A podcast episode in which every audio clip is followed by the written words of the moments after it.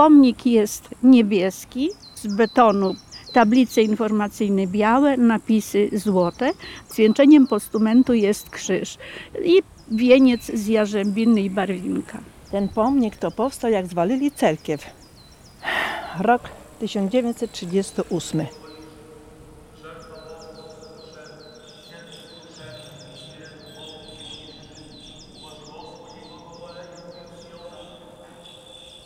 O, tu była kiedyś cerkiew drewniana.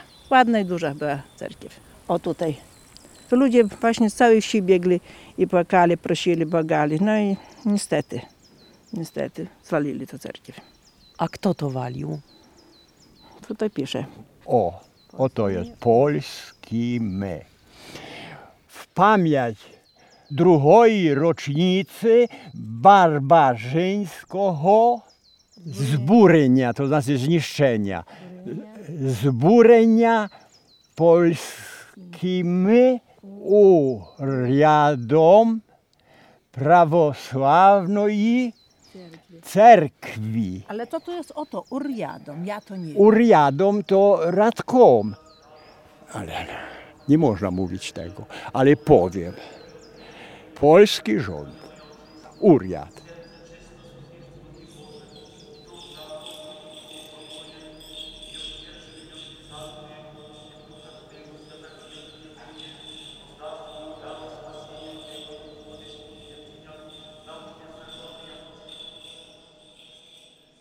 To nie była akcja spontaniczna, to była akcja w 100% zaplanowana, zaakceptowana i przeprowadzona przez faktycznie polski rząd II Rzeczpospolitej. No niestety, do głosu doszła od lat 30., a zwłaszcza już w połowie lat 30., ta opcja endecka, polska opcja, taka nacjonalistyczna powiedzielibyśmy, która zakładała, że będzie przeprowadzona asymilacja narodowościowa, czyli Ukraińcy zaczęli być uważani za dawnych zrusyfikowanych Polaków chociażby. Odwoływano się do czasów, kiedy ludność etnicznie ukraińska była grekokatolikami, a więc była unitami, powiedzmy, zrusyfikowanymi później przez carat, więc należy ich z powrotem przywrócić na łono chociażby Kościoła rzymskokatolickiego, a także do narodu polskiego. To się zaczęło w roku 1935 tutaj w Lublinie. W Lublinie miała miejsce narada u wojewody lubelskiego. Narada, w której decydujący głos mieli żołnierze. Żołnierze wysocy rangą, generałowie, którzy zdecydowali o tym, że zostanie przeprowadzona repolonizacja Lubelszczyzny czy repolonizacja Chełmszczyzny. Te akcje nazywano akcją rewindykacyjno-polonizacyjną burzenia cerkwi prawosławnych w roku 1938, nie tylko przy udziale wojska, ale także przy udziale policji. Policja oczywiście zapewniała no, z punktu widzenia państwa polskiego zapewniała bezpieczeństwo. Wynajmowano także robotników, była określona stawka za udział w rozbiórkach cerkwi. Przyjmuje się, że w roku 1938 zniszczono około 120 obiektów sakralnych, w tym cerkwi, kaplic i domów modlitwy.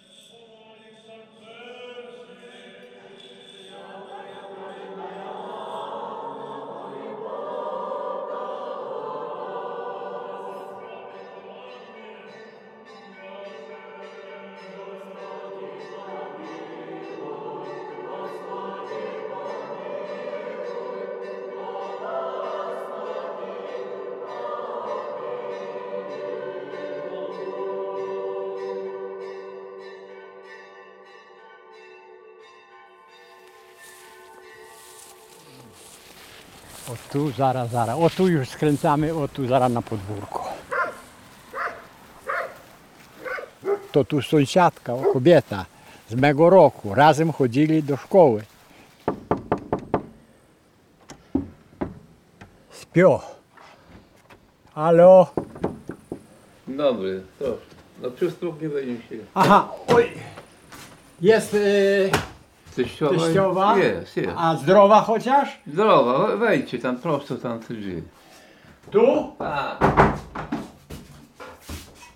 O, pomajmo. Kamery nie ma, tylko jest redakcja z radia polskiego. Mhm, Daj mhm. tak, tak, no Polskiego. usiąść. Co ty znajesz, skaży? U cerkwy, no. u wiry naszej. O, dobrze pamiętam. Pięć lat miała takie, takie dziecko malutkie było. Tak. I już wszystko rozumiała, że mają już y, przyjść i zrujnować to naszą cerkiew, zburzyć. No i ludzie pozbierali się całą noc, siedzieli, Tak. płakali, żeby nie, nie było tej ruiny, żeby nic.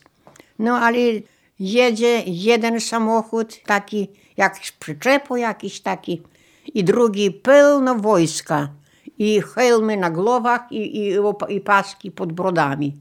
I jadą tam burzyć tą cerkiew. No Polacy byli. To były polskie ludzie. Linami rozciągali te wieże, wszystko rozciągali po prostu. Wszystkie zatoliny ciągnęli i o! To pamiętam, mała dziewczynka, słychać było tak jakby bomba, jak stuk taki z góry do dołu, jak buchnęło na, na, na ziemię. Mama zaczęła płakać. Mamo, czego płaczesz? Pytam się. A mama mówi, dziecko, jak nie płakać, jak nasza świ- świątynia zburzona. My tyle lat chodzili, modlili się i Boga prosili i nic Pan Bóg nas nie chce usłuchać nas, żeby my dalej modlili się, znaczy i płakała mama. Tak, a ja to pamiętam. Tak. Toż to cała wioska prawie prawosławna.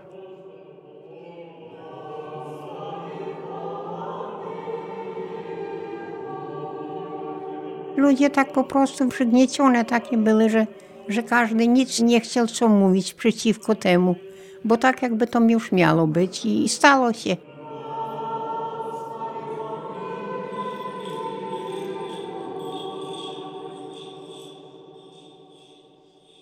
Historyk nie ma do końca takich narzędzi, żeby opisać emocje, co się działo wewnątrz tych osób, które widziały, patrzyły na te burzone cerkwie.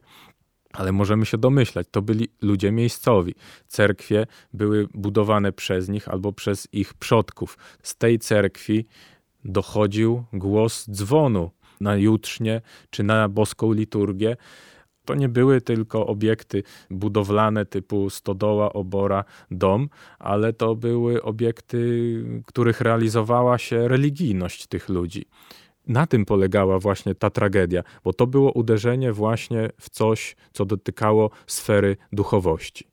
Gdy wybuchła wojna, gdy Polska znalazła się pod okupacją, długo na skutki nie trzeba było czekać. Niemcy mieli doskonały wywiad i wiedzieli o tym, że cerkwie były burzone w 1938 roku. Wiedzieli także, że ludność prawosławna była tuż przed II wojną światową nawracana w niektórych wsiach siłą na rzymski katolicyzm. Niemcy doskonale o tym wiedzieli i potrafili to wykorzystać. Działali na emocjach i rozbudzali te emocje. Wiele stanowisk wójtów, mężów zaufania obsadzono Ukraińcami. To Polaków szczególnie dotykało. Nastąpił rozwój kooperatyw życia gospodarczego, handlowego, ukraińskiego. Ukraińcy uzyskali własne szkolnictwo dla chociażby dzieci na wsiach, więc tworzyli ukraińskie szkoły. Czasem zdarzało się tak, że również kosztem szkolnictwa polskiego podstawowego. Odbierane było to przez Polaków jako faworyzowanie ludności ukraińskiej, która do tej pory stała niżej na poziomie społecznym. To sprzyjało oczywiście konfliktom. Jeżeli dwie strony będą się między sobą konfliktować, to wiadomo, że nie będą kierować swojej energii i swoich wysiłków w kierunku okupanta. To była polityka dziel i rządź.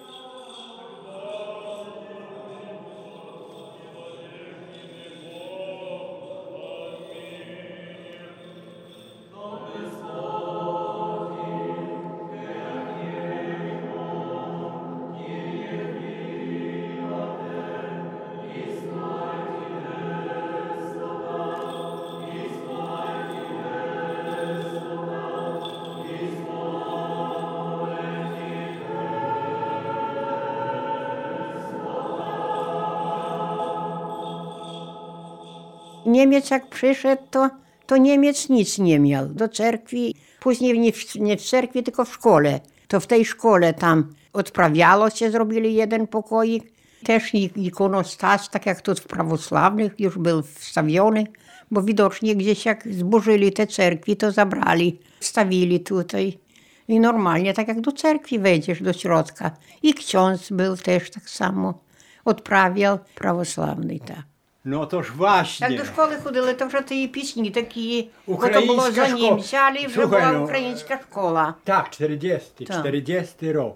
No, Ну, була, то як я мала 8 лет, пошла. I ja tyle І ти samo. 8 лет мав, і 3 лета це, це була та школа, так. to była nasza już szkoła. A katolicka była na Władysławowie, bo tam wszystko byli katolicy. To tam katolicka była szkoła, to po cichu, potajemnie, po prywatnych domach. A my, prawosławne, do ukraińskiej szkoły. Tu we wsi była szkoła i był dyrektor szkoły Ukrainiec. Taki był dyscyplinarny, że nieraz nam spało bił. o, tak było. I dyscyplina była. Tak. Jak już wojny nie było, to była już e, polska szkoła. Bo jeszcze wtedy, jak była szkoła ta ukraińska i to tutaj ukraińskiej partyżantki nie było. To już po wojnie było. Po wojnie, no to po wojnie. UPA, ale oni szli z Kresów i z Wołynia. Wszystko na Wołyniu tam się odbywało. U nas było pokój, u nas nic nie było. Tu. Pamiętam, w nocy przychodzili do mieszkania pożywić się Jeść prosili, nie grabowali, nic, tylko babka, masz chleb świeży? Dobra, dobra, dobra. I oni tutaj zabierali chłopaków do tej partyzantki ukraińskiej UPA. Bo to było bardzo groźne i przykre. Ludzie poginęli, że zabili.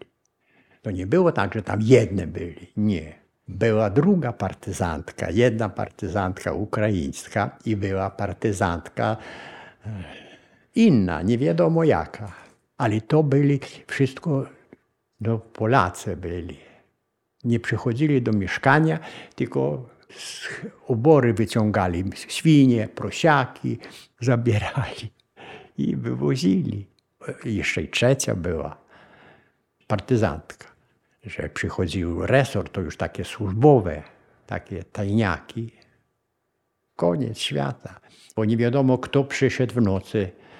Już życia nie było. Widzieli, że to już będzie koniec. No i już tyle wszystkiego. A my byli jeszcze tam dziećmi wtedy.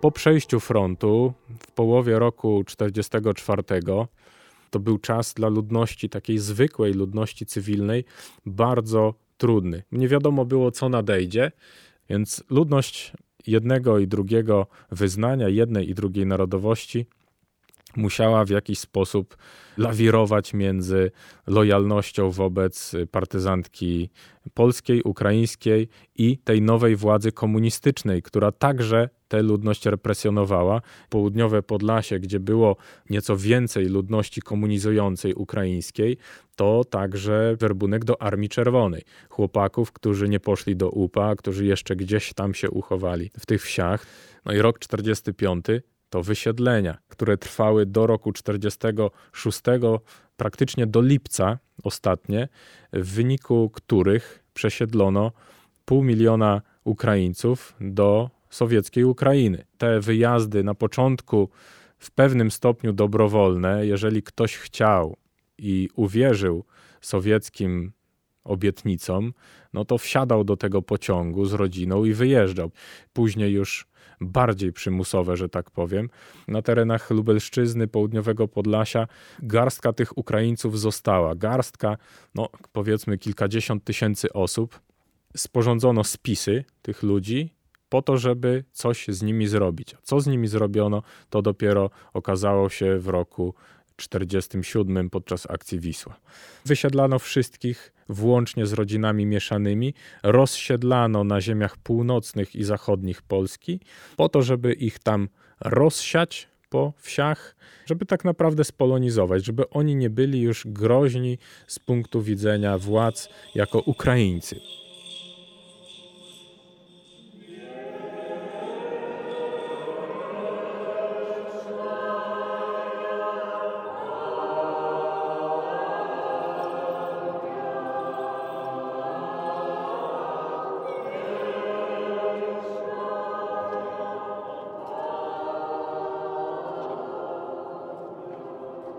Ja pamiętam, bo to 13 lat miałem.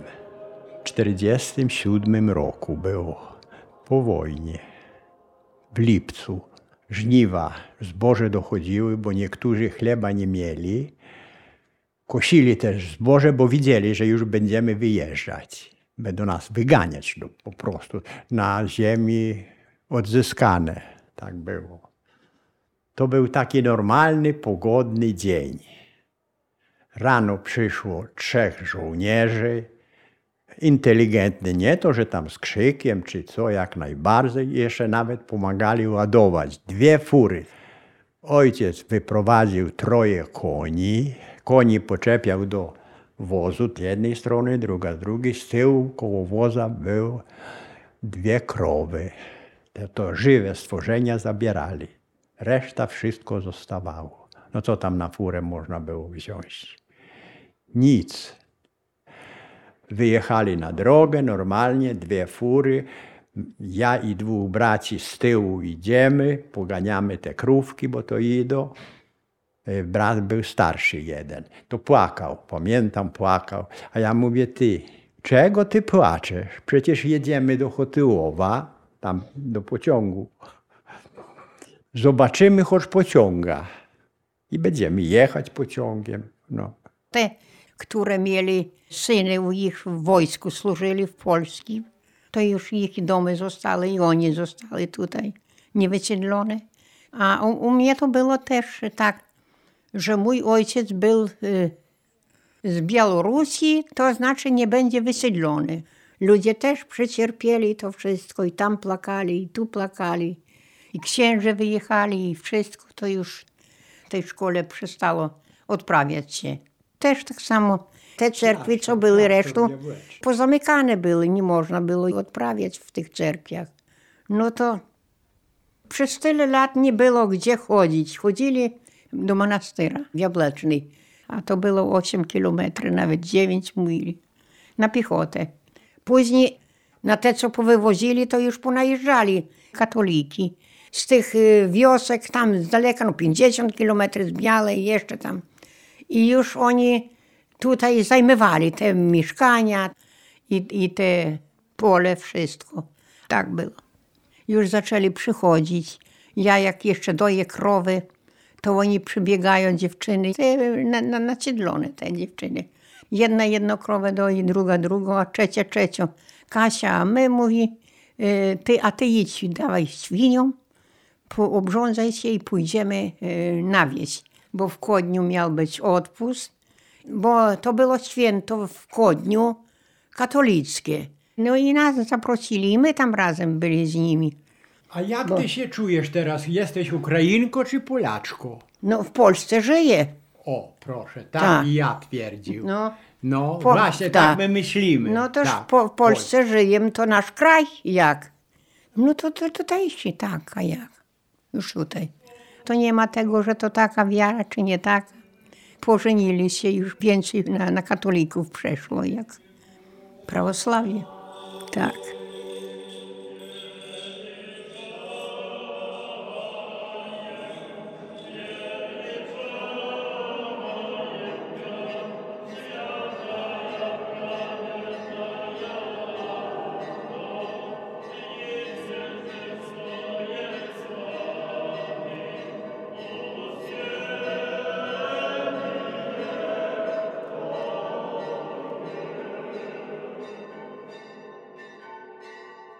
O ile akcja Wisła to jest forma takiej migracji masowej i przymusowej, prawda, to te powroty to już noszą charakter takiej migracji bardziej dobrowolnej.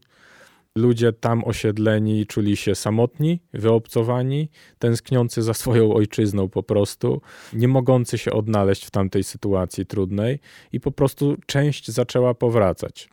Część zaczęła uciekać nielegalnie wbrew władzy. Wracali, co ciekawe, do tych gospodarstw często, które już były zajęte przez tam nasiedlonych Polaków i albo wchodzili z nimi w konflikt, albo dogadywali się i mieszkali wspólnie, albo po prostu pisali podania do władz po to, żeby odzyskać, czy żeby wykupić nawet. Często ludzie wykupywali swoje dawne gospodarstwa, domy, po to, żeby tam mieszkać. Dopiero z czasem, po roku 56, gdy nastąpiła w Polsce odwilż i pewnego rodzaju zluzowanie takich obostrzeń w stosunku do ludności ukraińskiej, można było odnawiać życie cerkiewne w ramach polskiego autokefalicznego kościoła prawosławnego. Oczywiście kościół był poddawany inwigilacji i kontroli. Każda inicjatywa związana z rozwojem parafii, z rozwojem chóru, czy szczególnie budowy cerkwi, remontu cerkwi, była e, pod kontrolą władz i była przedmiotem sporów między ludnością prawosławną i rzymskokatolicką, sporów podsycanych przez e, służby specjalne PRL.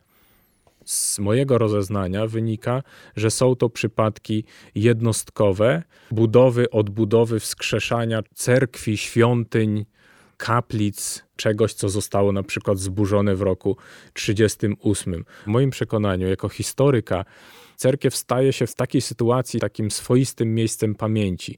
Staje się pomnikiem powrotu do dawnego porządku relacji międzyludzkich na poziomie takim społecznym, które funkcjonowały od stuleci, a ingerencja władz II Rzeczpospolitej, niemieckich, sowieckich, jakichkolwiek, burzyła ten porządek. Powrót ludności i budowa cerkwi to jest po prostu odbudowanie tego porządku.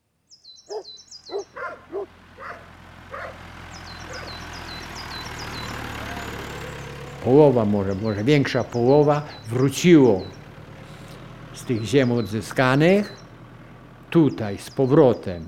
Ich cerkwi nie ma, chodzili do Zabłocia. Trzeba pobudować cerkiew. Padła propozycja i tu był ksiądz też w Zabłociu, taki starszy facet już, pomógł nam i on to zorganizował.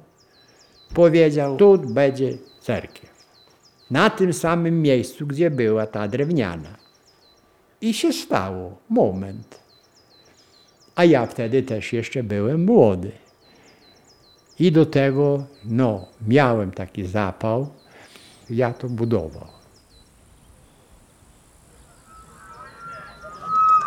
Trzy kopuły, bo jest jedna większa. Raz, dwa, trzy. Trzy kopuły. O, trzy krzyże to jest bardzo ładnie. Cerkiew naprawdę podejść, z daleka widać, czy na polu, czy tam orzesz, czy chodzisz, czy jeździsz, wszędzie jest cerkiew. Nieduże, ale własna, nasza. I tutaj jest obraz świętej Anny, bo to jest obraz naszej świętej Anny. To człowiek się cieszy, bo ma gdzie przyjść, gdzie się pomodlić. To jest tak jakby uspokojenie duszy. Człowiek się modli i prosi Boga o to zdrowie, o wszystko. Raz, dwa, trzy. On sprawdza, jakie jest nagłośnienie. A to będzie odprawa liturgii świętej Anny. Raz, dwa, trzy. Sława Otcu i Synu i Świętemu Duchu i nyní i prysno i na wieki wieków. Amin. Господи, помилуй, Господи, помилуй, Господи, помилуй. Высоко преосвященнейший Владыко, благослови. Nas miało już tutaj na ziemi południowego Podlasia nie być, ale w planie Bożym zapewne było nieco inaczej i my dzisiaj jesteśmy, dajemy świadectwo miłości do naszej ojczyzny, do społeczeństwa, a przede wszystkim do naszej troskliwej Matki, świętej Cerkwi Prawosławnej. Bądźmy baczni, i umiejmy rozszyfrować i widzieć oczyma swojej duchowości i określić, co jest zło, a co jest dobro w naszym dzisiejszym życiu społecznym. Błogosławienie Господnie да пребудет со всеми вами. Многая, многая, katolicy chodzą i śpiewają w chórze, śpiewają, pomagają dla nas, tak, i bardzo są zainteresowani. Pani e, Gertruda, pani Grażyna, oni są katolikami. Ze, ze Śląska przyjechali tutaj, pobudowane, gospodarne ludzie i od razu prosto spod szosy idą do cerkwi. Nikt się nie kłóci, nie bije. Nie. O to, co się zdarzyło wcześniej w historii, prawda, to tylko jest jak gdyby nauka na dzisiejsze czasy, że mimo tego złego, co się wydarzyło, trzeba żyć. Tak, tak. Wszyscy razem, Tak. katolicy, prawosławni, wszyscy razem. Chociaż na dachu. O, na kopule. I to dzisiaj? No to znaczy, że szczęśliwy dzień. Tak. Dobra wróżba. Bociany szczęście przynoszą.